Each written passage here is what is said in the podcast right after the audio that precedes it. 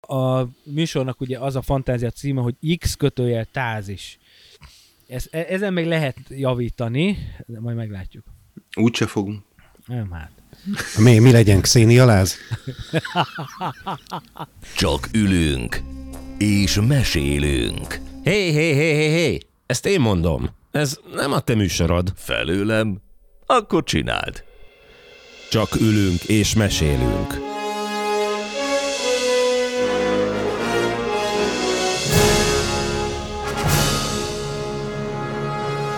Harmadik évad. Midőn a hármashoz ér, mely sorrendben a harmadik leszen. A három amigó belecsap a harmadik műszakba. Harmadik típusú találkozásaik alkalmával bebizonyítják, hogy hármasban szép az élet. Jézusom, ezt most komolyan gondoltad? Két író és egy mindenkinek jól beolvasó most fogja magát és jó bemozgókép kultúrázza a mindennapokat. Forgács V. András, Laska Pál és Mester Ákos főszereplésével. Csak ülünk és mesélünk. Harmadik évad.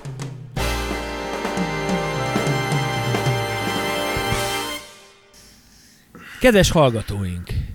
Biztonságos vonalról hívjuk most önöket egy paranormális szeánszra, ahol összeesküvésekről, valamint kihűlt boncolás utáni tetemekről rántjuk le a leplet. A jegyzőkönyvben ma is hárman szereplünk, elügynök az 51-es körzetből, Jó estét kívánok. dupla V ügynök egy Roswelli hangárból, Lehet hallani? én pedig A ügynök vagyok, egy ö, ötszög alakú irodaépület mínusz 23. szintjén dekódolom épp az adást. Mielőtt rátérnénk a mai adás fő témájára, álljon itt néhány szolgálati közlemény. Ezt most fel kell olvasnom. Először is Jakab Benke Nándor miatt, vagy hát igen, szóval ő hívta fel rá a figyelmet, úgyhogy most helyreigazítás következik. Ugye Nándorról azt kell tudni, hogy ö, filmes szakújságíró, és van egy filmes podcastja is, amit most csak azért nem reklámozok, mert már megtettük, és tessék rákeresni. Tehát a helyreigazítás a következő, a csőm valamelyik adásában én azt merészeltem mondani, hogy az American Carol című Zaz produkciónak nincs a videótékában HD verziója, hanem csak valami szutykos X-videt sikerült let, ö, vásárolni. Na most, ha úgy kerestek rá erre, hogy Big Fat Important Movie, akkor találtok gyönyörű szép vastagsoros verziót. Úgyhogy itt, itt most megkövetem magamat. Egyébként ez bazi nagy amerikai film, vagy mi volt ennek a magyar címe? Nem, szerintem megtartották az eredeti ilyen amerikai fohász, vagy valami ilyesmi. Pedig erről beszéltünk, de mindegy, mielőtt helyreigazítást kérnek, inkább akkor mondjuk a, csak azt, hogy... Emer- én, na, mert hogy én ugye úgy kerestem rá, hogy ez American Carol néven került a mozikba, de legalábbis a, a marketing kampányt azt erre húzták fel, meg hát ugye van egy Christmas Carolhoz hasonló keret történet is. Mindegy. Am- a másik- Amerikai ének. Az, igen. A másik ö, nagyon fontos dolog, az pedig a Donablival kapcsolatos. A Patreontól lassan, de biztosan búcsúzunk, és ö, a Donablin lehet minket követni, és ez nektek egy kicsit még kevesebbe is kerül. A lényeg az, hogy szerintem januártól már törlődik a Patreon, most így felfüggesztve van, tehát aki e- eddig minket támogatott, az most is meg tudja nézni a eddig feltöltött tartalmakat, de beszédesen van egy utolsó Patreonos adás nevű videónk, mert hogy többet oda már nem töltünk fel. A Donabli viszont ugyanúgy működik, mint a Patreon, tehát hogyha ott beregisztráltok, követtek minket, meg még pénzt is adtok, akkor ott időről időre felkerül javarészt az adás előtt felvételre került videó. A mai is nagyon izgalmas, hiszen olyan produkciókról beszélgetünk benne, amiről amúgy nem lenne szabad. És akkor itt megragadnám az alkalmat, hogy egy emberről tudok, aki felhatalmazott, Hajdú Robert, aki Jeremy álnéven, de most már elmondtam a, a rendes nevét is, nem fogjuk kisipolni.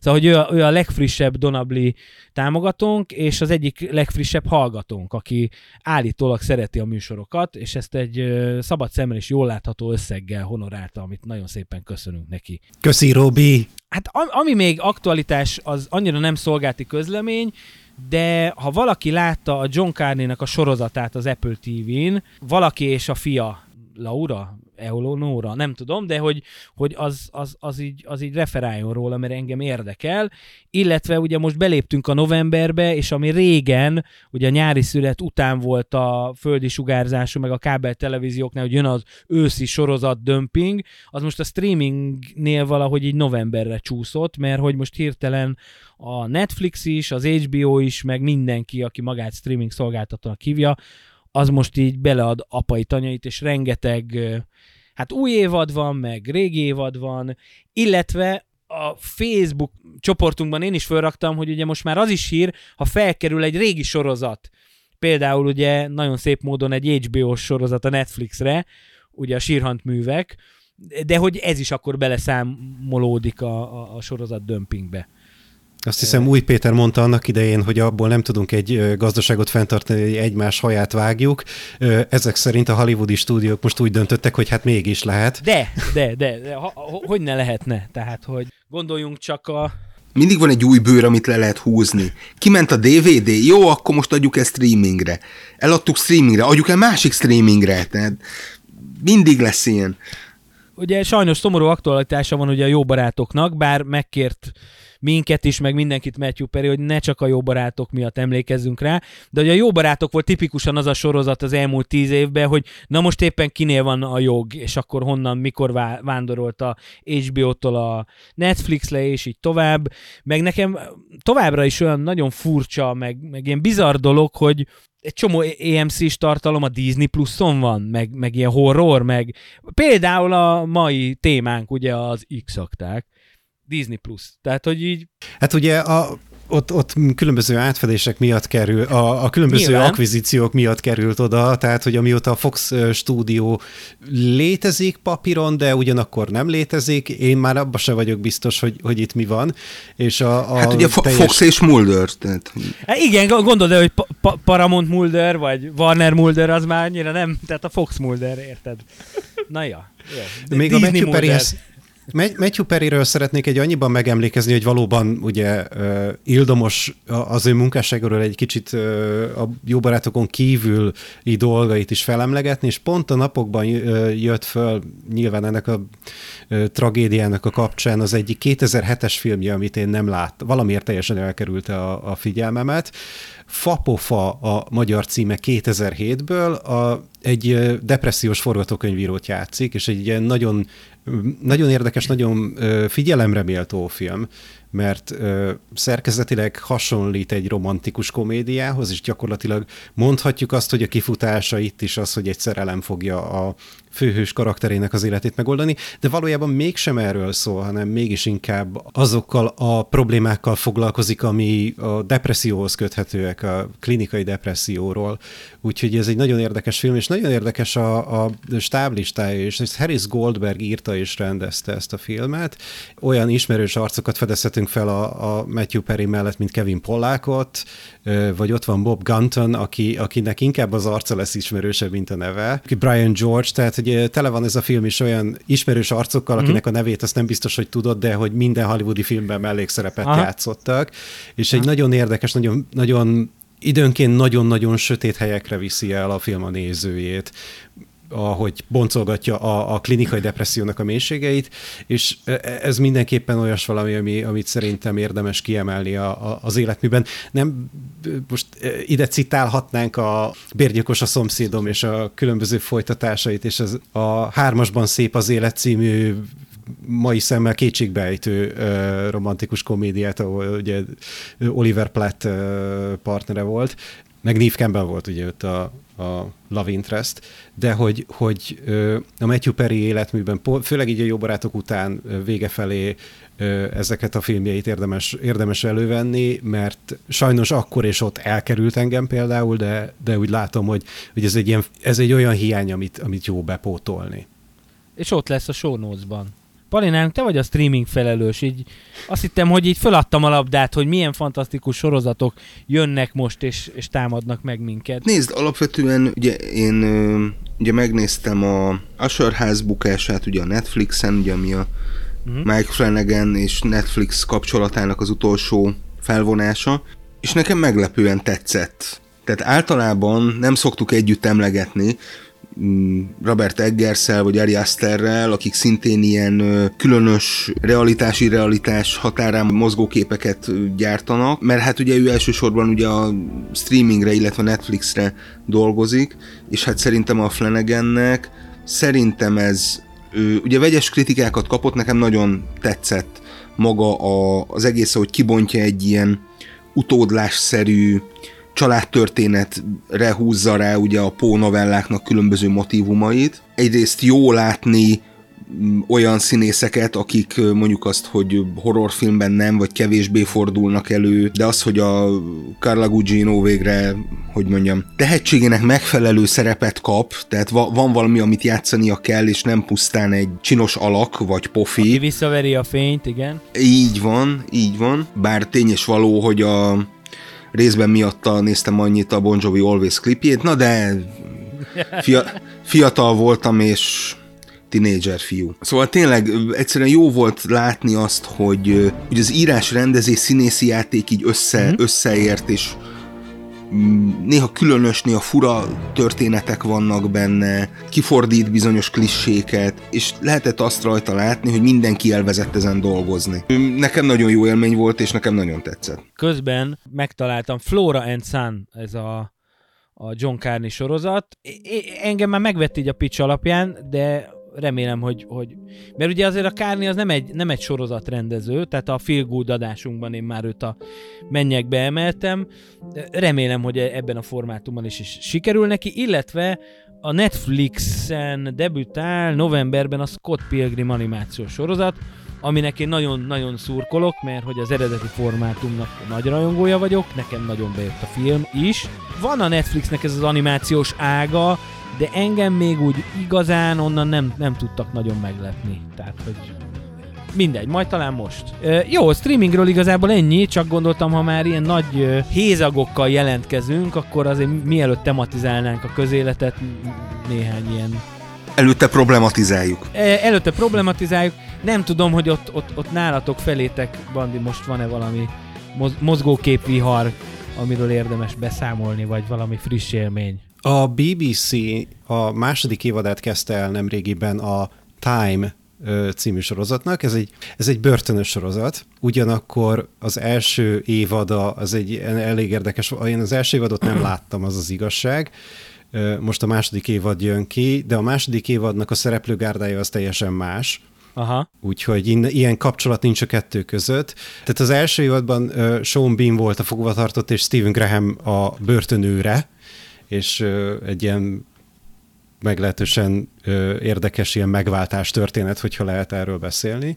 És a második évadban pedig a Doctor Who sorozatból ismert Jodie Whittaker az egyik szereplő, ugye ő játszotta a doktort így egészen a, a közelmúltig.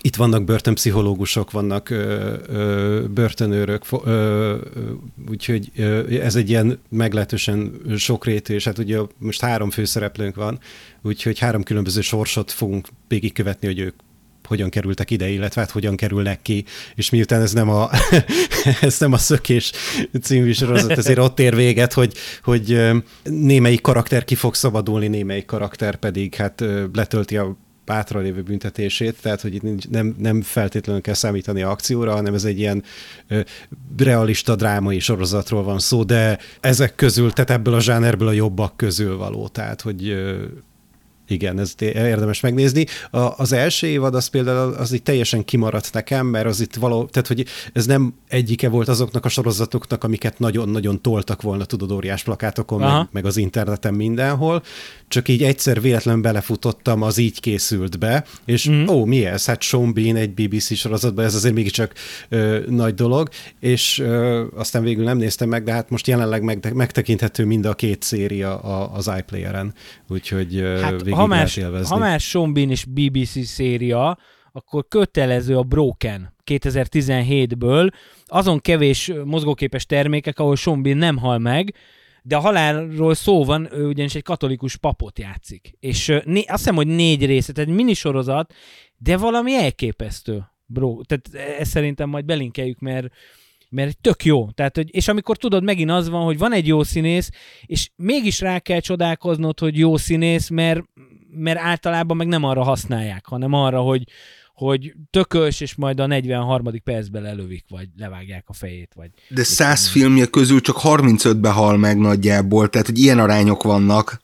Most nézd, ez olyan dolog, mint a Bermuda háromszög, amiről ma lesz szó, hogy annak is a PR-ja viszi el a, a, prímet, hogy hát ott minden hajó eltűnik, és ha megnézed a statisztikákat, nem tűnik el több hajó a Bermuda háromszögben, meg repülőgép, mint mondjuk a karibi térség egy találomra kiválasztott, egyébként hasonló izé, alapterületén. Majd, majd mesélek az összeesküvés elméletekről. Ide most kéne valami rövid elválasztó szöveg a két műsorszám közé, jó? És ha már összeesküvés elméletek, hát arra emlékeztek-e, kedves hallgatók, hogy a legutóbbi fantasztikus uh, Deutsche kriminálkomödiékkel is foglalkozó ugye adásunkban feltettük a kérdést, sőt, aki Spotify alkalmazással vagy szerintem webbrowserből is hallgat minket, az találkozhatott azzal a szavazással, hogy ugyan miről beszéljünk sokat, hiszen idén nagyon sok uh, jubileum van, és ugye a döntőben volt a tiszta románc és az x és körülbelül ilyen 60-40 százalék arányban az x nyert, úgyhogy uh, ma igazából erről a kultikus sorozatról, illetve pop fenoménról fogunk beszélgetni felkészült műsorvezető társaimmal. 93-ban indult, illetve hát akkor kapott ugye a Chris Carter megfelelő költségvetést és tábot arra, hogy, hogy leforgassa ezt. El, először ugye a pilotot, aztán majd az első évadot. Az hát nagyon nagyon fontos, hogy mondjam, popkulturális tett volt. Ugye a 90-es évek, meg a sorozatgyártás, én mindig messziről kezdek. Egyrészt még nem volt ugye, hát gyakorlatilag a berlini far leomlása, és mondjuk a ikertornyok összeomlása közé tehetjük ugye ezt az évtizedet. Voltak sokkal nagyobb sikerű sorozatok is, vészhelyzet például, hogy, hogy ne menjek tovább, de hogy mégis ez a eredetileg ugye 7, most már talán 11 évad, ami, ami ugye filmekkel, sorozatokkal tarkított, ez tényleg létrehozott egy olyan korpuszt, ami, ami tényleg egy önálló alkotás, és hát gyakorlatilag még a Marvel előtt kitalálták ugye az univerzum építést, csak hát kevesebb szerződéssel mondjuk a McDonald's felé. Azok a típusú összeesküvés elméletek, amiket mi mondjuk úgy ismerünk, és ugye maga a sorozat is gyakran hivatkozik ugye ufókra, 51-es körzetre, tehát egy ilyen 40-es évek végi, 50-es évek elejé visszavezetéssel él, ami egyébként ugye a magas cifirodalom felvirágzása, ahonnan egyébként gyakran kölcsönöz is ötleteket, és hát azt is mondja, hogy valójában a, az igazi ősbűn az nem a második világháború végével indul, hanem gyakorlatilag Amerika gyarmatosításával. Ugye gyakran visszanyúl oda, hogy a, ugye a fehér ember az meghozza a gonoszságot, az, áls, az álságoskodást, a, az álnok viselkedést egy alapvetően sose létezett aranykorba, ami mondjuk az őslakosok világa, és hogy gyakorlatilag egész Amerika történetén végig húzódik ez a fajta összeesküvés elmélet Na de hogy mi is az az összeesküvés elmélet, ugye? Mivel ugye hivatalból is gyakran foglalkozom álhírekkel, összeesküvés elméletekkel, és egyéb, mondjam, információbiztonsági kérdésekkel. Hát ugye gyakorlatilag mindig az, hogy van egy ilyen rejtett, titkos történés, mindig van egy összeesküvő csoport, mindig van egy nagyon jól felmutatható bizonyíték, hogy hogy ez tényleg létezik. Általában semmi nincs véletlenül, hanem mindig egy e, mindig előre el van tervezve, és minden egy pontos terv része, tehát hogy nincsenek externáliák, hogy közgazdasági nyelven fejezzem ki magam, tehát hogy ilyen, ilyen nem szándékolt következmények nincsenek. És hogy gyakorlatilag ezeknek az összesküvés elméleteknek is azért van egy spektruma, tehát nem, nem minden azonos, tehát hogy a, az MK Ultra program az valóban megtörtént eset, dokumentálták, kikutatták, nyilvánosságra hozták, nyilván ugye azért, mert oknyomozó újságírók ezt kikényszerítették a kormányzatból, de ugye ott van, mint hogy a x is benne van ugye a, a Watergate szalagok, illetve ezek a Nixon szalagok, hogy ugye az alatt tűnik el ugye a Mulder huga, ha jól emlékszem, hogy, hogy ugye pont ez a nem tudom 10 perces szünet van ugye a szalagokban.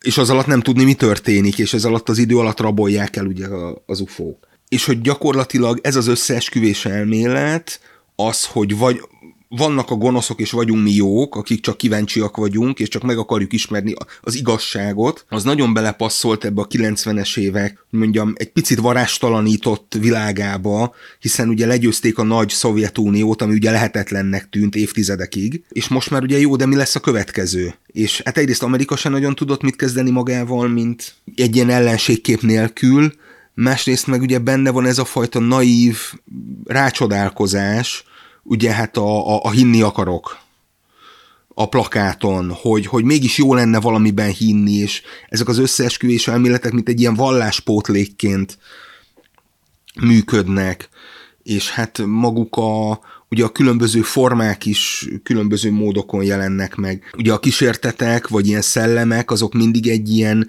lelkismeret furdalás.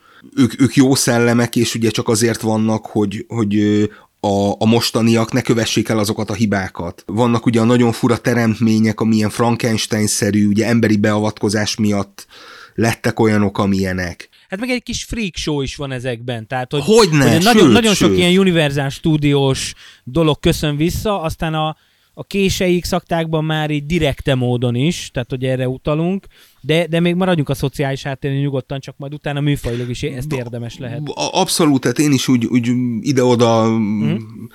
csapongok egy picit, tehát hogy, tehát hogy benne volt azért az egészben az, hogy ugye valódi ellenségek, ugye most már nincsenek, hiszen mindenki ugye a szabad világ részei, aki meg nem, az meg majd az lesz hogyha rájön, hogy hiszen mi megmutatjuk neki, hogy ez mennyire jó dolog. Az, hogy nem mindenki vágyik feltétlenül egy amerikai létre, az, azt mondjuk nehéz mondjuk egy amerikait meggyőzni erről. És akkor ide jönnek a mémek, a visszük a demokráciát, lánctalpon, meg izé, rakétákkal, persze, persze. Igen, igen. Hát meg ugye azért Vietnámból azért sok, sok ilyen jellegű dolog meg, megmaradt, hogy azt a nénit is átkísérjük, aki át se akart menni. Igen, de ez, ez egy nagyon, nagyon fontos, hát nem csak hogy emberiség történeti pillanat is, hogy vége van a hidegháborúnak, és akkor most nézzük, tehát forduljunk egy kicsit a saját kormányunk felé, és hogy milyen piszkos dolgok voltak, tehát ez egy kicsit így elveszítjük a bizalmunkat a rendszerünkben, és aztán pislantunk egyet, és 30 éve később meg ott van a, a sámán a kapitóliumban, tehát hogy egy, egy kicsit ilyen vizionárius dolgok is eszembe jutnak most, hogy visszanézek a, az x de ez mindenképp egy olyan idő pillanatban generálódott, amikor, amikor ennek meg volt ágyazva, és televízió történetileg meg tényleg voltak ezek a, ezek a nyomozós sorozatok, meg ezek a szörnyes, ugye most az alkonyzóna mindenkinek eszébe juthat, de azt ne felejtsük el, hogy szinte egy évvel vagyunk, vagy két évvel a Twin Peaks után, tehát maga az, hogy természet fölötti a televízióban, szóval, hogy azért, azért valószínűleg az is egy kicsit ennek így megágyazhatott, hogy ez már nem volt annyira UFO dolog. Azért is érdemes ezt, ezt az indulást még egy kicsit kivesézni, mert ugye ez két pitchet is megért ez a sorozat. De Chris Carter, aki egyébként a Disney-nél dolgozott, amikor, amikor először pitchelte a sorozatot, akkor, akkor még nem, nem egészen ez volt a, a felállás, de ezt Bandi mindjárt elmondja nekünk. Chris Carterről azt érdemes tudni, hogy ő egy ilyen keményen dolgozó kisember, tehát hogy a, amikor még a Disney és a különböző Disney leágazások, mint a Touchstone Pictures és stb. még gyártottak élőszereplős filmeket, meg filmsorozatokat, amik nem Marvel termékek voltak. Erre azért érdemes visszaemlékezni, hogy a Disneynek voltak rendes filmjei, és nem csak a franchise-ok, amiket ugye megvásárolt, akkor ő ilyen megbízhatóan dolgozó tévésíró volt, de nem különösebben figyelemre méltó. Aha. És így a 90-es évek elején járunk, tehát mondhatjuk, hogy a, a kábel TV az most kezdi igazán megszorongatni a nagy földi sugárzású adókat. Szóval egészen 1986-ig három nagy TV csatorna hálózat uralja az Egyesült Államokat, a, az ABC, az NBC és a CBS. Ez a, a TV megalakulása óta, az 50-es évek óta ez a hármas volt. Viszont a 80-as évekre bejön már a kábel TV, és elkezdődnek a kábel tévék gyakorlatilag osztódással szaporodni, hiszen addigra már meglehetősen olcsó volt az infrastruktúrát kiépíteni hozzájuk, és a kábel TV szolgáltatók elkezdték elég, elég erőteljesen keresni a pénzt. Ugye az HBO a legfigyelemre méltóbb ezek közül a kábel TV közül, nem TV, hanem HBO, Home Box Office, ők kifejezetten megtalálták maguknak azt a nagy piacot, ami miatt nem kellett nagyon szakosodniuk, mint például egy Comedy Centralnak, ami ugye a komédiára korlátozta magát, vagy az MTV-nek, ami annak idején zenét sugárzott megmagyarázhatatlan módon, és a 90-es évek elejére, ugye 86-ban alapítja meg a, hát hogy mondjam, a világ ezen a táján nem nagyon kedvelt Rupert Murdoch a Fox TV csatornát, és még nem a Fox Newsról beszélünk, hanem Igen. még csak a sima földi sugárzású Fox TV-ről, és egy elég erőteljes nyitás után ugye ők a Simpson családot kezdik el vetíteni a 80-as években. Ők eléggé, hát majdnem azt mondtam, hogy erőszakosan, de egy agresszív terjeszkedési politikával a nagy hármast kibővítették először nagy négyessé, majd pedig második, harmadikak voltak mindig a négyesbe vetélkedésben, úgyhogy ők elég erőteljesen kezdték a 80-as éveket, és részint a kábel TV szorongatása miatt, részint pedig ugye a, a Fox mint amik Netflix ugye elindult annak idején, akkor is ők megpróbáltak nagyokat gurítgatni, akkor ők úgy gondolták, hogy nekik szükségük van egy olyan televíziós sorozatra, amelyet sehol máshol nem lehet látni. A Fox tőkerősebb volt, mint a kábel tévék, viszont merészebb volt, mint a megalapozott csatornák, úgyhogy ők képesek voltak egy olyan sorozatot befogadni, ami viszonylag nagy költségvetési volt. Szóval, ja, hogy Ákos is már megjegyezte a show amiket uh, itt adás előtt ugye gyűjtöttük a jegyzeteket, 600 ezer dolláros epizód költségvetést ugye nem mindenki tudott megengedni magának egy 24-26 epizódos év, évi sorozat epizód költségének, úgyhogy ők bevállalósak voltak, és ők szerettek volna egy olyan esemény televíziós ö, sorozatot maguknak, ami meg tudja szorongatni a másik három konkurens és a kábel tévéket is. Aha. És akkor itt jön, itt jön közben Chris Carter, akinek van ez az ötlete, hogy ö, mi lenne, hogyha hoznánk egy nyomozó sorozatot, amiben különböző furcsa és megmagyarázhatatlan eseményeket próbálna felderíteni a főhős, és minden epizódban kiderül, hogy igazából nem a földön túlival állunk szemben, hanem nagyon is jól megmagyarázható dolgok történnek itt.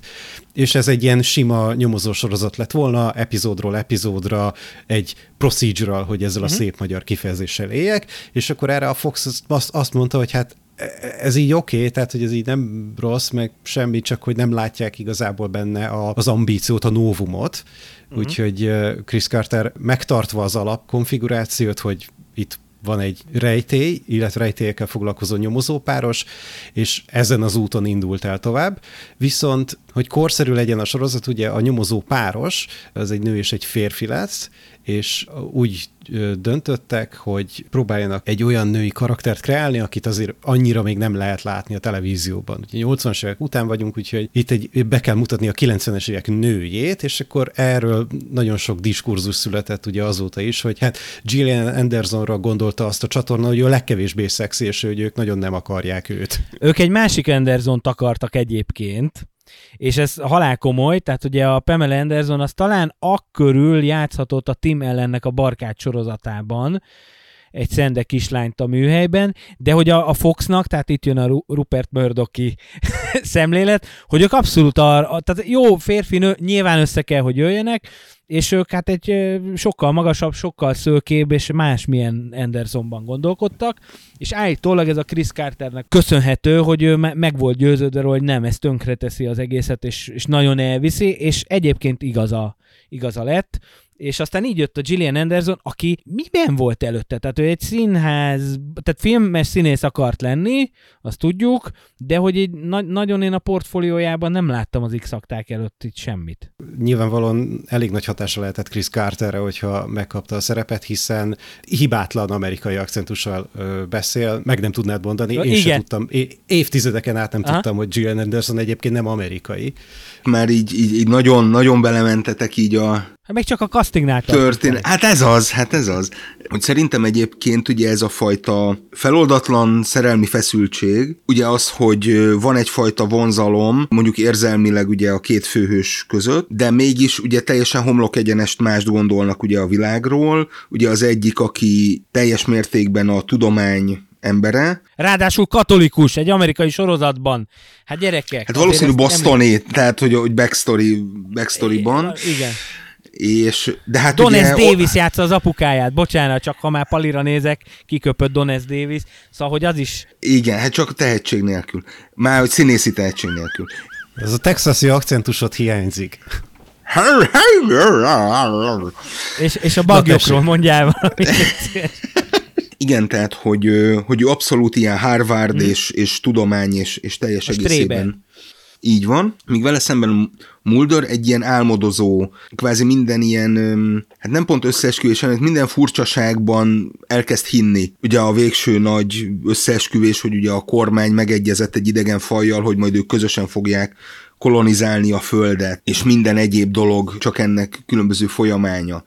És ő a fura fiú, tehát hogy okos, tehát hogy benn marad a kötelékben, de azért lerakják a pincébe, és Igen. ugye van egy, van egy ilyen beceneve az FBI, hogy ő a spooky. Tehát, hogy tudod, egy kicsit ilyen, ilyen félre sikerült csávó, de azért nem, nem egy hülye. Izé, Hát tehát ne, igen. nem, nem virdó, akibe bele lehet rúgni, tehát, hogy, igen. mert az túl jó képű amúgy. Igen, egyrészt ugye a Muldernek ugye ez a, ez a nagyon részletesen az évadok során kifejtett backstory ugye, hogy ő hogyan kerül közel ezekhez a mondjuk úgy idegen civilizációkhoz, saját apjával való rendezetlen viszony, meg is jelenik, hogy, vagy hát így sejtetve van, hogy minthogyha a cigarettás ember lenne az ő apja. És tulajdonképpen ez az egész ilyen bizonytalanság, tehát amellett áll ki végül is a sorozat, hogy ne legyen mindenki konformista, ne, ne veszítsük el az arcunkat, legyünk ugye egy, egy tömeg tagjai, hanem, hanem egyéni látásmódunk legyen. Mindenki a maga módján lehet hülye. És hogy ezt egyébként nagyon jól kiegyensúlyozták, hogy mm, ugye a magyar szinkronban ugye a Rékesi Károly Nárai Erika gyakorlatilag elválaszthatatlan. Még ugye a filmekben is, és a legutolsó sorozatokban is nekik kellett szinkronizálni, hiszen azt hiszem a Viaszat 3 éppen megvette a hatodik, hetedik, val- valahanyadik évadot, és akkor ö, Rékasi mellé Spilák Klára volt egy és a nézők visszakövetelték Nárai Erikát a mikrofon mögé. Uh-huh. Tehát ők is annyira egybefortak ezzel a, ezzel a két karakterrel, és egyébként nagyon jól Igen. szinkronizálták. De hát csodálkozom, hogy, hogy nekem kell akkor előhozakodnom a, a háttérben megbúvó Jodie Foster szállal, hiszen amikor már így jellemezzük a karaktereket, és a televízióról már volt szó, tehát azért mindenféle mystery sorozatokkal, azért elég friss az élmény, és a Chris Carter ezt egyébként így be is vallja, ugye a bárányok hallgatnak. És azért a, a a Jodie Foster szállat így egy kicsit erőltetném, hogy az- azon kívül, hogy, hogy van ez a háttere a Scully-nak, azért nagyon érződik ez a Clarice-esség, sőt, én, én az első évadból még emlékszem is olyan jelenetekre, amikor bemegy valami valami sorozatgyilkoshoz a börtönbe, és akkor így nagyon hajaznak erre a, erre a felépítésre, hogy, hogy hát ahogy ugye a Clarice ö, megijedt, meg visszahúzódott a fal mellé, hogy akkor ezt eljátszották a, a Gillian Andersonnal is, É, és ez, ez is ott van. Szerencsére kinövi ezt a doppelgengerséget, vagy nem tudom, de hogy én azt gondolom, hogy azért a 90-es évek elején ezt, ezt mindenképp meg kell még egyeznünk. Egyébként a piloton lehet a leginkább látni, hogy a bárányok hallgatnak vizuális világa, mm. Jonathan Demme film vizuális világa nagyon nagy befolyással volt nem csak a képi világra, a kamera mozgásokra, meg a, a, az egész inkább néz ki egy ö, nagyjátékfilmnek, egy nagyjátékfilmesnek, mint tévésorozatosnak, de azon túl is a produkciós design, tehát a berendezések, a kosztümök, a ruhák mind-mind nagyon-nagyon erőteljesen merítenek a bárányok hallgatnak ö, jelmezés díszlet raktárából. Hát meg ami még fontos, hogy ha már azt mondjuk, hogy, hogy a Foxnak volt egy ilyen követelménye, vagy elvárása, hogy akkor legyünk bátrak, a világítás, tehát ha megnézitek a, az x a világítását, ami most már, nem tudom én, 30 év, de tudom, 30 év távlatából annyira nem, nem, nem tűnik merésznek, de az, hogy megcsinálsz egy jelenetet úgy, hogy két elemlámpa világítja be a jelenetet, ami ugye praktikusan ott van a szereplő kezében, és a falról visszaverődő fények, meg a... Tehát, hogy... hogy Am, ami viszont ugye Fincher hatás, I- hogy ez igen, a nagyon nagy erős, igen, fényerejű fény- elemlámpa igen. végigvilágítja az egész teret.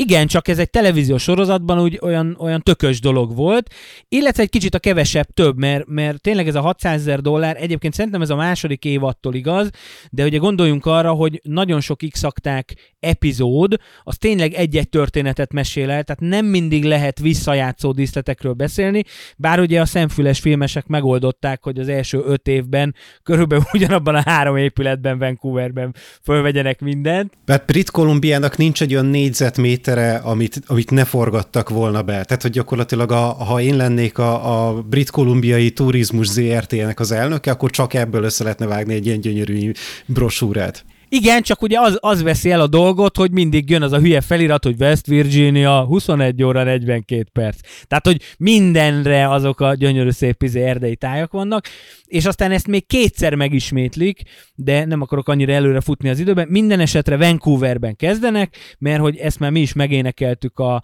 a képhatáron túli magyaroknál is, hogy ott azért nagyon-nagyon sok stáb adja egymásnak a, a kilincset, hogy ott kezdik el fölvenni ezeket a részeket, és nagyon kreatívan megoldják a mindenféle amerikai tájak ábrázolását. Igen, ez a Vancouver, ez egy külön ö, fejezet cím is lehetne. Én magamban három részre tagoltam az x tehát az Early Years, Ugye Magyarországon 94-ben elkezdi vetíteni a királyi televízió, és emlékeim szerint ez egy hétfő esti sorozat volt, ilyen 21 óra 09 valami, talán a kriminális után, tehát Just László után rögtön jött az x mert hogy még nem volt médiatörvény. Tehát egy késő esti műsor volt mindenképpen, tehát hogy most már Az megkapni első a 16... években, igen, az első években nem, és aztán jött a médiatörvény, és az ORTT mindenféle, tehát voltak nézői visszajelzések is, de hogy, de hogy akkor rakták ké- későbbre, és aztán 99-től vagy 98-tól került át, 99-ben az RTL-hez került. már az RTL-hez került? Igen, Aha. igen. Akkor, az, akkor a viaszatő már ilyen utánjátszó volt. Mert akkor az, a, az már egy utánjátszó 2000-es volt, mert Aha. hogy ö, készült új szinkron a, a, 9, a, a 99-ben az RTL-en vetített ö, változatok, az már egy új szinkronnal készültek. Aha, na, ezt jó tudni. Akkor a viaszat az már egy ilyen későbbi stáció, Igen. de hogy, Igen. Hogy, hogy az első évad az abszolút ezt a nagyon epizódikus, tehát ez a Monster of the Week van ez a, ez a séma, hogy mindegyik rész tényleg egy esetet dolgoz fel, egy nagyon különleges jelenséget, vagy általában lényt, és amit, amit mondtál, hogy először ez a racionális magyarázat volt, én arra emlékszem, hogy az első évadnak nagyon sokszor úgy van vége, hogy Scully az szépen a diktafonjába így felmondja a, azt, hogy hát valamire nem derült fény, de szerintem ez egy ilyen genetikai mutáció, és a nem tudom, de sajnos a bizonyítékok eltűntek. Tehát, hogy, hogy őt ugye ne felejtjük el, hogy azért rakják a Mulder mellé, mert hogy figyelje meg ezt a, ezt a fura bogarat, és hogy egyáltalán mi ez az x -akták. Egyébként pont ellentmond a, a professzionális összeesküvés elmélet ter- teóriát ö, hoz Pali, vagy teóriádnak, hogy az x miért lett x -akták. Ugye ez ö, eredetileg 46-ban az FBI-ban tényleg volt egy ilyen iratszekrény, hogy unsolved files, csak hogy kellett a hely, mert az U betűnél nagyon sok minden volt, és egy titkárnő átrakta az X betűhöz, mert ott nem, nem nagyon volt kartoték. és így lett x az x -akták. Ez csak egy ilyen kis urbán legend, ugye? Hát, illetve ugye többen komolyan vették, hogy ugye a fő mondatot, hogy az FBI titkos ügyeiből, hogy ezek tényleg az FBI által vizsgált titkos ügyek. Hát talán más módszere is vannak a titkosításnak, mint hogy a Fox TV-n bemutatjuk. Ó, gyerekek, az UFO magazin az el, ezzel foglalkozott, Én nagyon, nagyon, nagyon megdobta a, a PR-ját az egész.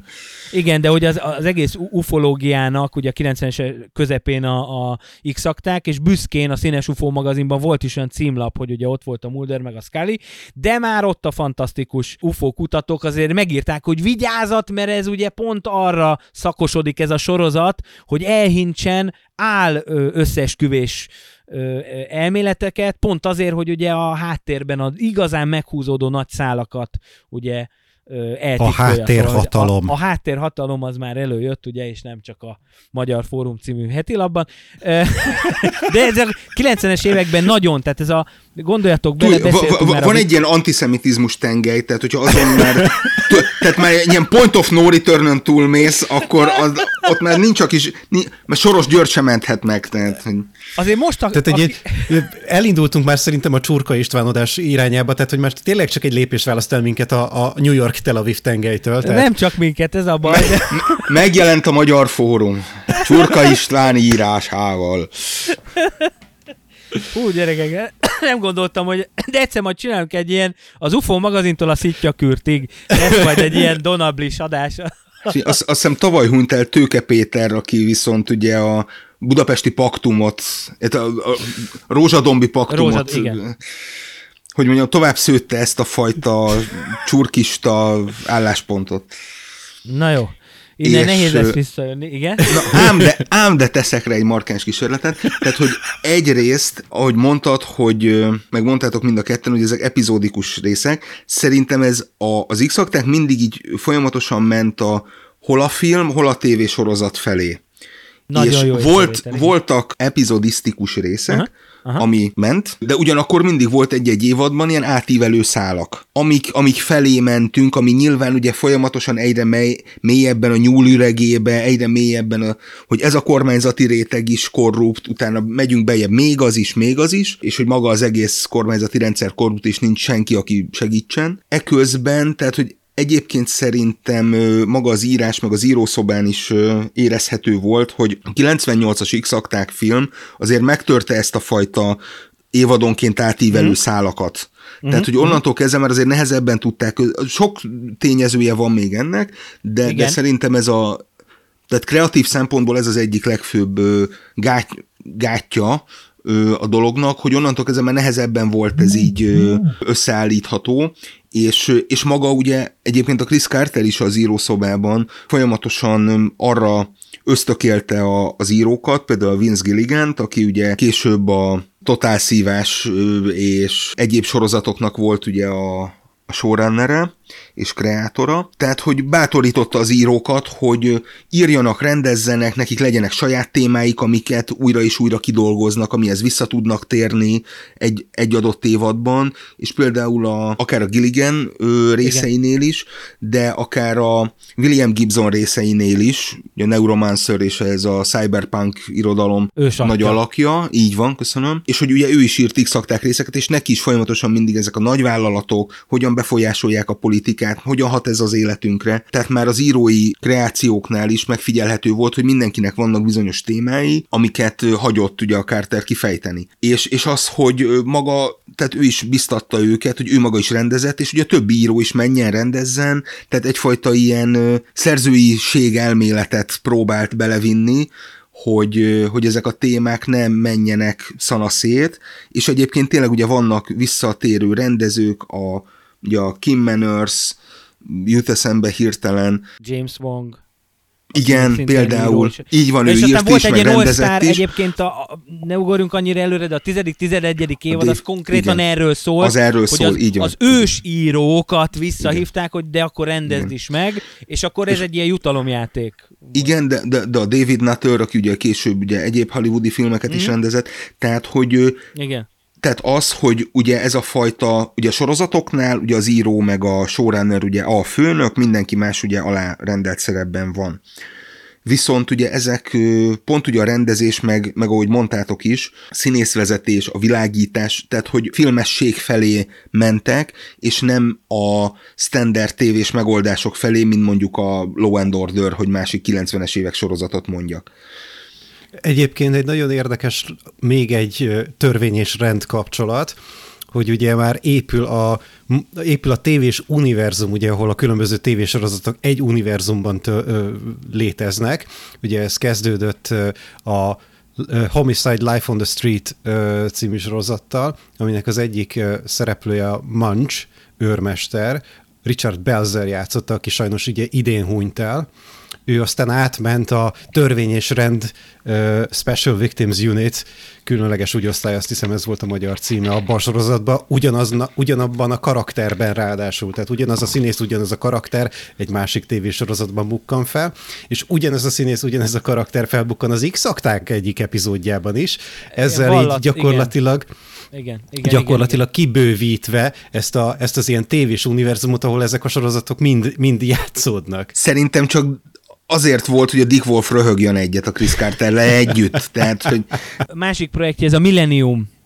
Na és Igen. akkor ott is van egy crossover egy részben, sőt, ennek a csimbor azt, hogy nekem ez már teljesen kimaradt, és valószínűleg azért, mert a három etap, amiben én felsoroltam a, az x a történelmét, ez már nagyon az utolsó előtti etap. Szóval ugye a hetedik évadban volt egy konkrét epizód, ami a Cops mintájára volt leforgatva, kézikamera, izé, hogy így nem hiszed el, hogy mi van. Tehát, hogy ott már tényleg olyan stílus gyakorlatokra mentek, amire még emlékszem, a hatodik évadban volt ez a Bermuda háromszög, hogy a Mulder megjelenik egy második világháborús hajón, ami ugye egy brit hajón, és akkor ott a náci tisztek között ott van a cigarettázó ember, csak mint náci tiszt, a Skinner, akiről mindenképp kell beszélnünk, mert ez a Mitch... Mitch Pileggi. Igen, egy iszonyatosan uh, hollywoodi me- mellékszereplő, egy szöröstökű profi, aki egyébként a, összejött a, a Scully dublőrével, és ő lett a felesége, Arlénnek hívják a csajt, és a Skinner ö, titkárnőjét is játsza aztán később néhány epizódban. Szóval átmegy az egész egy ilyen Skywalker dinasztiára, mert ugye a Scully, a Gillian Andersonnak az egyik lánya, a Piper, aki egyébként úgy néz ki, mint az anyukája, gyönyörű, és hogy ő lesz az egyik ilyen, nem árdirektor, de az árdepartment fölveszi az újkori évadokba, ő rajzolja mindenféle szörnyetek skiccet. Szóval itt mindenki keresztül kasul, és akkor David Dukovni gyerekeiről még nem is beszéltünk, akik szintén szerepelnek a 10.-11. évadban. Hihetetlen. De hát ugye ennyi időt ott töltesz a forgatáson, nyilván nem tud elválasztani a magánéletet a szakmától. Ez, ez szerintem ez természetes, illetve még annyiban térnék vissza, hogy a pilot pontosan ugyanúgy ér véget, mint a az elveszett Fridláda fosztogatóinak a vége, ugye a nagy Aha. ládákkal, tehát hogy már, Igen. már gyakorlatilag 93-ban le volt ez téve, hogy itt gyakorlatilag itt amilyen filmeket, tévésorozatokat az alkotók látnak, és megfelel ennek a, tehát átmegy a Carter szűrőn, akkor az, az be fog kerülni, és, és át fogják szűrni magukon ezeket a dolgokat. Hát meg az a popkulturális hatás, ugye, tehát e- elneveztek egy ilyet szociológusok, hogy a Scully effektus. Ugye az, hogy akkor a, a egyre több nő jelenik meg a tudomány területén, meg orvosok, meg rendvédelmi szervezeteknél megjelenik a nő, hogy akkor ez egy karrier. Tehát, hogy ezek iszonyatos példaképek. Egyébként én nem, hogy mondjam, kisebbíteném pont a Jodie Fosternek a szerepét ebben, mert hogy a bárányok hallgatnak is szerintem ennek egy tök jó ikonja volt, vagy ilyen, vagy ilyen role modellje, nem tudom. De a lényeg az, hogy, hogy, hogy ez nagyon beindított valamit a 90-es évek elején. A lényeg az, hogy a, a, az első évad az, az olyan körülbelül közepes fogadtatást kapott, de mire elindult a második évad, már egy olyan, olyan komoly tényező volt az x hogy ilyen epizódonként ilyen közel 10 milliós nézettséget azt így, azt így bomba biztosan produkált. És onnantól már nem, nem nagyon volt megállás. Ugye a második évad kezdődik mindjárt egy ilyen puertorikói kalandal, tehát ott már azért látszik, hogy ebbe fetszölnek még több pénzt, én ott veszem észre ezt az átívelő szállat, amit a Pali is mondta, hogy egyre jobban azért vannak ezek a, a sztorik. Azért is, ennek van egy kis kényszer megoldás része, a második évadban szerintem jobban sikerült, ott annyi történt, hogy Gillian Anderson terhes lett, és akkor egy kicsit úgy kellett alakítani a, a, a sztori szállat. A, egyébként a Fox a simán bemondta, hogy de figyelj, itt van még mindig a Pamela Anderson, nem kéne esetleg lecserélni, nem. És aztán volt még egy ilyen évad, annak már annyira nem, nem hiszem, hogy jól sikerült, talán a hetedik évad, ami, amikor nem volt Mulder. Ugye David Gyukovninak voltak azért mindenféle problémái a fox fizetésügyileg, és akkor itt próbáltak ilyen pótlékokat behozni. Volt egy új uh, FBI páros, behozták a... Robert. Robert Patrick, tök, tök, egyébként tök jó, hogy öt behozták, de hát mégis azért ez, ez attól működött az a kémia, ami a Mulder és a Scully között van. Tehát, hogy az, az, az, az egy ilyen mélypontja szerintem a, a sorozatnak, hogy ott is próbálkoztak ezzel, hogy akkor valahogy oldjuk meg, hogy most nincsen Mulder, és az szerintem hogy nem, nem tett jót neki. Emlékezzünk meg azért a, a Annabeth Gishnek a nevéről, ugye, aki a, a Scully-t lett volna nem helyettesíteni, hanem lecserélni. Ugye adott esetben ez így mindig a későbbi évadoknak egyik problémája lett, hogy a Igen. fizetési megállapodások egyre nehezebbek volt, nehezebbé váltak, ugyanis a stúdió az rendre nem volt hajlandó kifizetni Gillian Andersonnak azt a gázsit, amit mondjuk még ki volt hajlandó fizetni mondjuk David Duchovny-nak, ami egészen odáig kulminálódott, hogy ugye a Fox TV csatorna különböző, hát hogy mondjam, kreatív könyvelési eszközökkel el, el tudta azt érni, hogy ne kelljen kifizetni Igen. David Gyukovninak a járó, járulékokat, ami, ami aztán per, perre ment, tehát Igen. hogy itt perre ment, ott egy kicsit a Chris carter való kapcsolata is megromlott, hiszen a Chris Carter nem, nem akart Gyukovni mellé állni ebben a bérvitában, mm.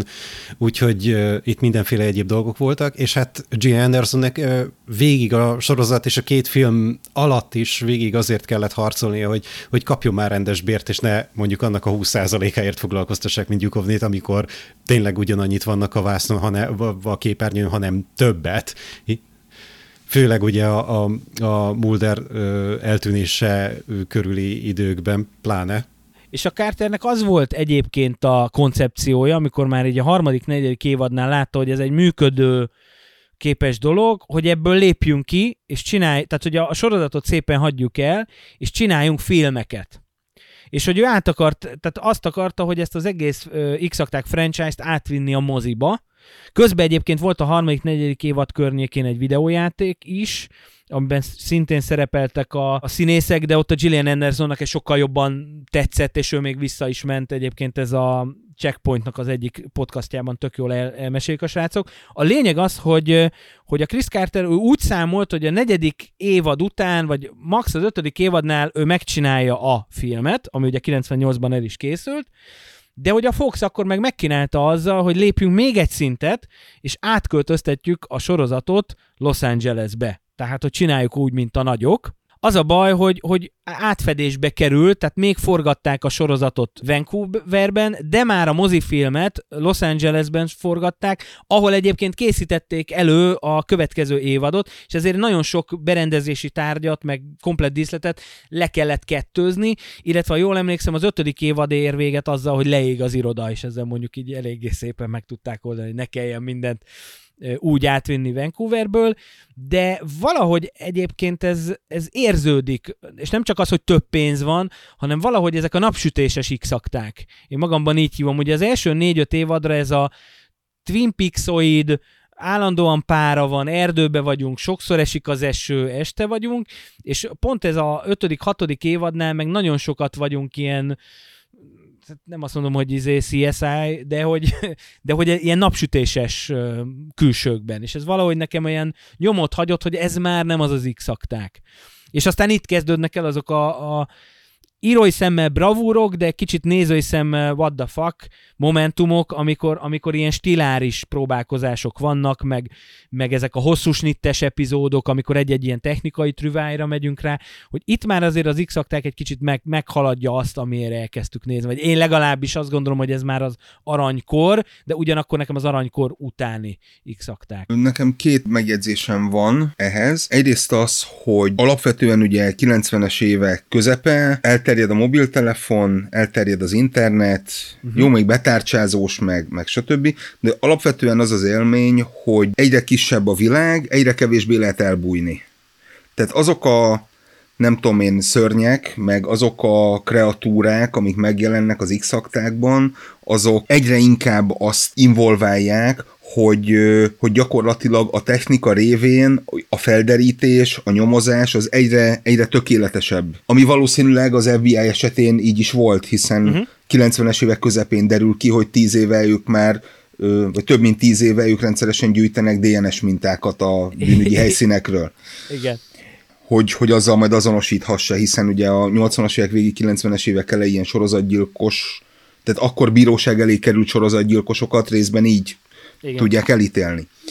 Tehát egyrészt ez, a, ez az egyik egy ilyen technikai háttér, illetve hogy például a, a gumiembert ugye a, a, a pláza mozgó lépcsője szedi szét. Tehát, hogy a, az emberi technika az túllép ezeken a fantázia lényeken, és, és hogy, hogy maga a technika nyírja ki a, először még csak ezeket a, a lényeket, Másik pedig az, hogy ahogy Ákos nagyon szemléletesen mondta, ugye ez a film és a sorozat közti határok elmosása, ami, ami részben ugye a Carter és ugye az x is a célja.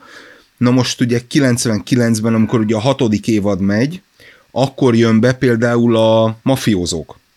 Uh-huh. Akkor jön, ugye előtte nem sokkal indul ugye az HBO-n a Drót Szintén HBO. Tehát, hogy az HBO egy picit jobban meg tudja ezt oldani, hogy a t- egy tévésorozatok hogyan hasonlítsanak a mozifilmekhez. Mozifilm, igen. Akár kreációban, akár megvalósításban, akár máshogy. És onnantól kezdve, ahogy ez egyre, de mondom, tehát ez a film után, tehát hogy ez a Aha. 98-as film után, tehát hogy már, már a körül, meg az utáni évadok, ott már szerintem érezhető az, hogy ez az út nem, nem járható, amin, amin ők járnak hogy, hogy teljesen más, hogy kell ö, gondolkodni erről. Egy kicsit ugyanazt érzem, mint a 24-nél, hogy csináltak ugye ez a, van még két évad az x a 10-11, de azért azok fél évadok.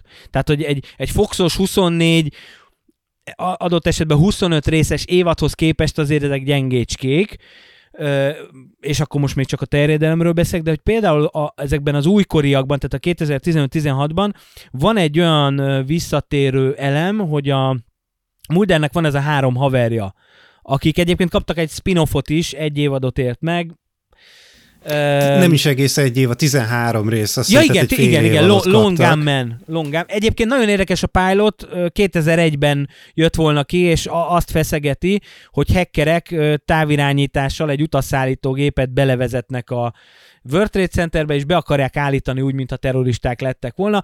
Szeptember 14-én tűzte volna ezt műsorra a Fox, de hát levették, és később rakták le. Helyette a valami Hugh Grant-es filmet adtak be gyorsan. Szóval van ez a három srác, és az új évadban az egyikük eltűnik, a hosszú srác, és hogy üzeneteket küld a Muldernek az okos telefonjára. Na most képzeljétek el egy iPhone-t, ami megjelenik egy szemcsés kép, egy szemcsés videókép fekete-fehérben, hogy ez így ne, nem adja ki, tehát hogy már nem katócsöves izéket használunk, már tudjuk, hogy működik a mobiltelefon, mi az, hogy digitális kép, és már egy kicsit ilyen, szóval nem jól öregszik ez a koncepció, amit még simán beszartunk a 90-es évek elején, hogy úristen a tévébe elkezd valaki beszélni. Az az egész sorozat folyamán világos, hogy a, hogy a nosztalgia az pozitív, tehát hogy ami régen volt, ami régen történt, annak van mindig egy pozitív tartama, és ami most van, az meg mindig fenyegető, és, és valószínűleg gonosz. Ugye ez a, ugye a, ez a fekete olajszerű valami, ami ugye mindent befed, és minden, mindenhova elér, te mint a Szellemírtó kettőben ugye a nyálka, ami New York alatt megy. Ez a típusú hozzáállás, ez már elmúlt, uh-huh. hogy hogy igen, hogy, hogy, hogy bezzeg akkor még mennyire jó volt, amikor mi még csak, hát ezek a, nem tudom én, social médiába percenként terjedő cuccok, hogy lájkolj, hogyha jó évjárat vagy, akkor ja, veled igen, is igen, ezek igen, történnek, típusú, meg, igen, meg mindenféle baromság. Tehát, Emlékeztek a 90-es évekre? Turborágó gumi, Turborágó gumi, és így, ja, persze és hogy az ilyen típusú nosztalgia már, már akkor is a 90-es évek végén, 2000-es évek elején, ugye 2001-ben, 2002-ben ment le az akkori utolsó Igen. évad. Igen. Tehát, hogy akkora meg már ugye annyira, tehát ugye utolérte magát a történelem ki, szeptember 11-jel, tehát, hogy onnantól kezdve már már nem volt mit mondani, tehát hogy még, még 94-ben a James Cameron elpoénkodhatott azon, hogy azért van a fenyegetés az arab terroristáktól, mert éppen nem cseréltek kazettát, meg lemerült a kamera, és, és, és a, a pozitív részt pont nem vették fel, csak a fenyegetést, és ettől van egy ilyen óriási hírig. De hát szeptember 11, 11 után már nem lehet ilyesmit csinálni. Hát tehát akkor az, az már, akkor már kopogtat a valóság. Tehát, jön az hogy őrségváltás, és azt, azt az államot, azt a kormányt, amit eddig lenéztünk, meg olyan szúrós szemmel néztük, hogy mit ármánykodik ellenünk, a, a, megint hozzáfordulunk, és hogy jön a Patriot Act, és jön az új kornak a hőse, Jack Bauer, szintén a Foxon, és ugye van is átfedés a, a két ír, írói gárda között.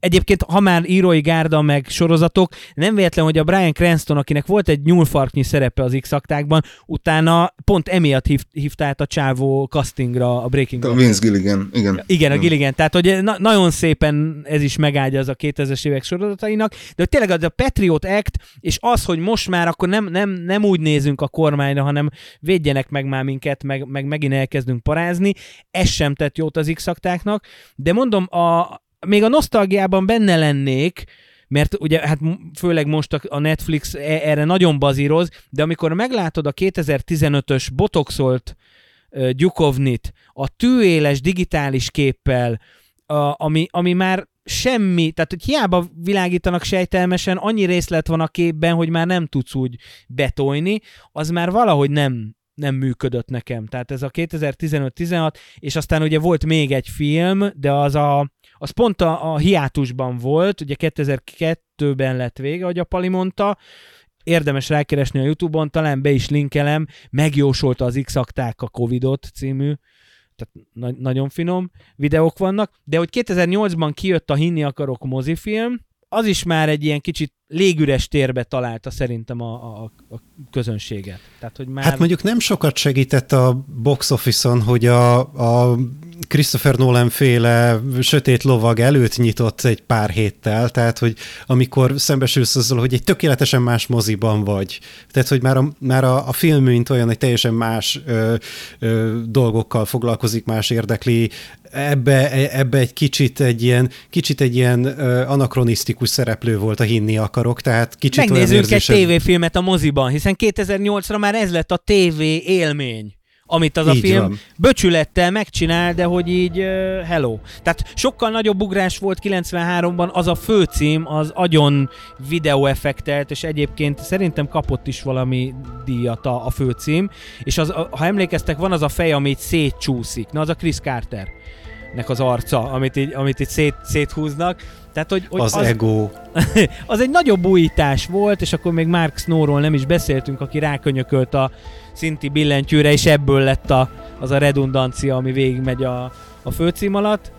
De hát ezt mindenki el tudja olvasni, meg tudja nézni. Szóval, hogy, hogy az valahogy nagyobb novum volt, mint 2018-ban a film, illetve ez a kapálózás 2015-16-ban, ami, tehát arról szól ez a két évad, hogy egyrészt visszahívjuk a nagy öregeket rendezzenek, és a másik meg, hogy az x podcast műsor vezetője kap valami mellékszerepet, mint vidéki sutyó zsaru, és akkor ezen nevetünk, hogy hát ő amúgy a x podcast műsor, szóval érted? Tényleg egy ilyen pre-Marveli virág, igen. Itt akkor már benne vagyunk a Marvelbe 2015-ben, tehát hogy kétségtelen, hogy az x közösség, vagy nem tudom, a rajongó tábor, az, az simán még ebből elbírna négy sorozatot is, csak eh, szerintem ez már semmit nem tesz hozzá ahhoz, amit egyébként böcsülettel ők a 90-es években letettek az asztalra. Az én magyarázatom az, hogy egész egyszerűen nincs összhangban a, a sorozat az őt körülvevő kultúrával. Egyszerűen el, el, elmentek egymás mellett.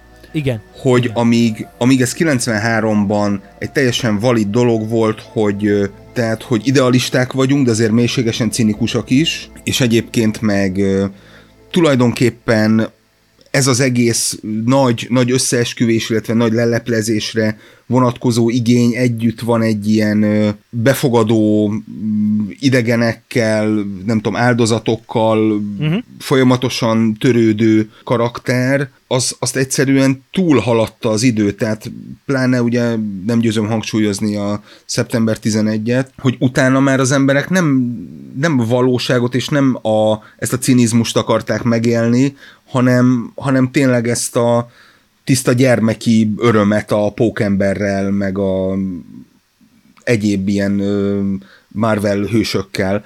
Tehát, hogy egyrészt, másrészt meg, hogyha a sorozatokat nézzük, az x valahol még mégis egyfajta elitizmust mutat, hiszen két szövetségi nyomozó.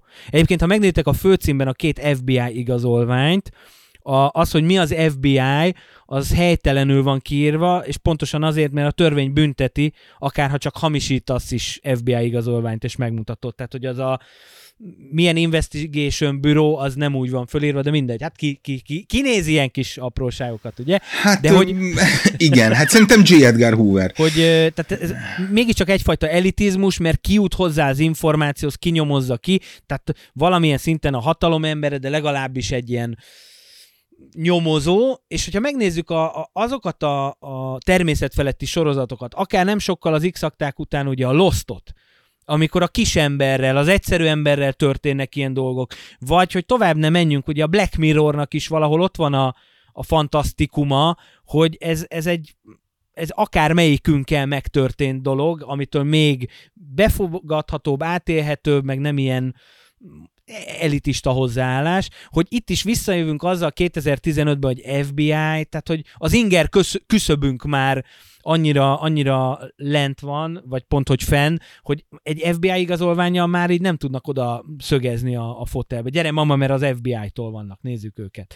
Ez már nincs. Hát ugye megint csak vissza kell utalnunk ugye Francis Fukuyama végére, tehát hogy szeptember 11-től fogva ugye nem, nem bízhatsz a szövetségi ö, ügynökökben sem. Most teljesen Hmm. mindegy, hogy melyik, melyik ö, ö, organizmustól, vagy melyik, ö, melyik szerv három betűstől jönnek. Senkiben. Nem bízhatsz bennük, hiszen félrevezettek minket az iraki háborúval kapcsolatban is, lehallgatják a telefonunkat, elolvassák az e-mailünket, tehát hogy annyira átszövi a bizalmatlanság az egész szövetségi kormányzatot, a hatalmat, hogy nincs olyan eleme, akivel, akiben meg tudnál bízni. Ami még mondjuk a 90-es évek elején elment, hogy Mulder mindig az áldozatokkal fekszik le, mint egy ilyen David Hasselhoff, ugye a, az, az átvert és a megvezetett csajokkal, addig a Scully meg mindig idegenekkel, tehát hogy és, és, és az akkor így, így elment, meg úgy nem is tűnt fel, meg hát persze, persze, Hát csak a Kaliforniát visszanézve azért már más a, más a dolognak a fekvés. Igen, igen, egy egészségesebb irányba indult el a szexuális élet, csak hát ugye a másik végletnél kötött ki. De hát ugye ez meg az ő baj. És hogy tulajdonképpen ez már mondjuk a 2010-es évek, nem tudom én, Black Lives Matter, mm, MeToo mozgalmai között már, tehát egyszerűen tényleg annyira megváltozott a társadalom három évtized alatt, különösen Egyesült Államokban, és olyan dolgok iránti érzékenység lett hangsúlyos, Igen. amit egyszerűen nem tudott lekövetni. Nem is biztos, hogy célja volt arra, hogy, hogy lekövesse, ő egész egyszerűen valahogy a, a, a közönséget nem, nem érdekelte. Uh-huh. Hát ugye emlékezetes, hogy gyakorlatilag két évad között párolgott el a nézők egy harmada fele. Tehát, hogy Igen. Egyszerűen már, már nem volt érdekes. Mondjuk ezen az nem sokat segített, hogy a tizedik évad egy meglehetősen szerencsétlen módon, ö, ö, szerencsétlen történetet próbált elmesélni, ami, a, ami aztán a magukat, a hardcore rajongókat is ö, felháborított, hogy a következő évadban teljesen újra kellett kezdeniük az egészet, mert be kellett látniuk, hogy, hogy ez senkinek nem volt jó, de addigra már a tágabb világot, a tágabb nézőközönséget nem érdekelte, innentől közve, hogyha nincsen utánpótlás, hogyha nem tudsz bevonni új nézőket per előfizetőket, és akkor itt a Netflix üzleti modelljén közbe, akkor megette a fene az egészet, mert senkit nem fogja nézni. Igen, de egyébként a, a Gilovni páros ból azért egy picit még nézzük a, a, az utóéletet, mert az is érdekes, ugye fölmerült a Kalifornia, 7 évad talán, és és uh, hát ugye vi- vissza a gyökerekhez mondhatnánk rossz májóan, mert azért David Duchovnynál ott nem nagyon kell keresgélni. Ha az embernek volt néha kódolatlan HBO-ja a 90-es évek elején, hogy ő honnan jött, vagy milyen alkotásokban, de ugye a Gillian Andersonnak iszonyatosan sziporkázott utána bármilyen sorozatban egy kicsit megjelent, most akár a Hannibalra gondolunk, akár a American Gods-ra, mm, jó, jó őt látni, és, és jól játszik, és, és, és tökörülök neki, hogy, hogy igaz, hogy ez a, tehát ezzel a sorozattal, de hogy igenis felkerült ő a, a színeművészek közé, vagy a előadó művészek közé. Tehát, hogy jó, jót tett neki, illetve ha már mondtam a Gilovnit, van még egy kifejezés, amit köszönhetünk a x aktáknak, a Gilliboard ami egyébként nem egy nagy újítás, mert nagyon, nagyon sokszor használjuk, csak ez a Gillian Andersonhoz köthető, hogy hát azért van egy eléggé markáns testmagasság különbség a két főszereplő között, és akkor ott a Van- Vancouverben a grippesek gyorsan összehoztak egy olyan faládát, ami elég hosszú ahhoz, hogy a, általában ugye kórház folyosókon, vagy sheriff irodákban, ha van az a négy-öt mondatos párbeszéd, akkor azt az utat meg tudja tenni úgy a Gillian Anderson, hogy nem négy, csak két fejjel alacsonyabb, mint a Mulder. És a szemfülesek, főleg ha már ismerik ezt a sztorit, akkor nagyon sokszor észrevehetik, hogy messziről még nagyon pici a, a, az Anderson, és egyszer csak né, lép egy nagyot, és aztán ott van mellette. Szóval ez egy ilyen visszatérő kis effektus, és uh, könnyes szemekkel a, a Key Grip egyszer egy mesél is egy interjúban, hogy 20 évvel az x után valahol forgatott, és akkor így előkerült, hogy hozzatok egy Gilly boardot hogy azért ez így, így egy ilyen zsáner, vagy szakzsargon lett ebből. Ezt még mindenképp meg akartam említeni. Azt azért hadd meséljem el még, ugye, hogy Gillian Andersonnak ugye eléggé nehe- nehezére esett megkapni a szerepet, főleg a Fox ellenállásán, mert hogy nem gondolták, Igen. Hogy ő eléggé szexis lenne. Ehhez képest azt hiszem kétszer választották meg a föld legszexi- legszexisebb nőjének a, Bizony. az FHM magazinban, de ez még mind semmi. Egy egész generációnak okozott törést a a, a Crown, ugye a Netflixnek a királyi családdal foglalkozó sorozata, amikor a legutolsó előtti évadban, Évadban, Gillian Anderson játszotta Margaret Thatchert. Igen. A, úgyhogy a, a sexy Thatcher, mint mém, az így megszületett, és innentől kezdve számtalan embernek, férfinak, nőnek okozott álmatlan éjszakát a kérdés. Mondjuk És azt hát ugye- azért így tegyük hozzá, hogy az, hogyha ugye színdarabíró, forgatókönyvíró, ö, ugye a Crown kre- kreátora Peter Morgan, és hát ugye ők együtt élnek már Igen. tíz éve, tehát hogy ö, úgy, úgy, lehet, hogy egy fokkal könnyebb. Ezt nem tudom, ezt bot, botolják ők le, de... Nem, Világos, nem, világos, értem, értem. Hogy mondjam, értem. lehet, hogy Peter Morgan akkor arra a pár hétre, amíg Gillian Anderson sminkben volt, addig ő nem volt, nem volt a díszletben, de hogy, hogy Jó, le, figyelj, Volt- le, le, le, lehet, hogy ő egyébként Tori szavazó, tehát hogy fene se tudja. Egy kicsit visszahúznám a földre ezt a Bocsánat. szexista dialogot, de jól megoldotta színészileg, tehát az ezt nem menjünk el mellette. Gillian Anderson egy zseniális színész, Igen. aki meg tudja ezeket a dolgokat oldani, nem is ez a, ö, akarnám én kiegyensúlyozni a dolgot, tényleg nagyon jó volt, mint, mint Thatcherként. Eltalálta a hangot, a gesztusokat, mindent, tehát, hogy ö, megmutatta a brit filmjátszás, hogy nem kell nekünk amerikai színésznőt ahhoz szerződtetni, hogy Thatchert el tudja játszani. Úgyhogy, úgyhogy, úgyhogy már várjuk azt, hogy Tony Blair-t mikor fogja eljátszani, ö, nem Michael Sheen. Nem Michael Even. McGregor gyerekek. De Uh, focistát akartam, Steven Gerrard jutott eszembe valamiért, nem, nem tudom. Ez egy másik generáció, azt mondja, nem, nem értem, majd meséljétek el a gyerekeknek, ki volt Steven Gerrard. Uh, És akkor még a képregényekről, meg a regényekről nem is beszéltünk, de ez már, ez már kicsit túl is mutat azon, am- amit ez a sorozat önmagában, vagy a maga jogán megszerzett.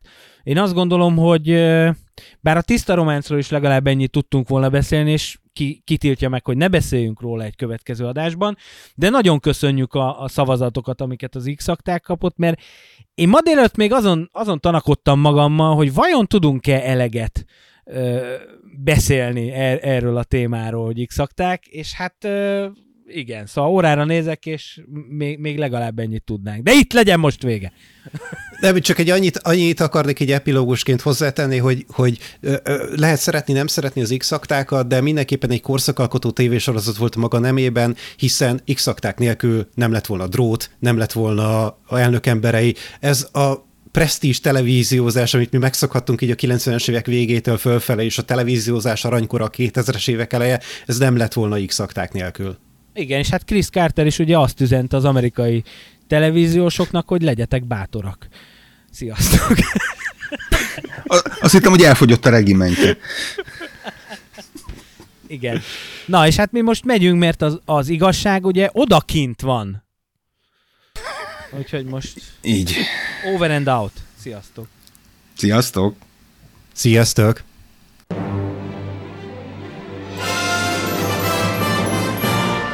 Ennyi, köszönjük mindenkinek, további jó szórakozást, sziasztok!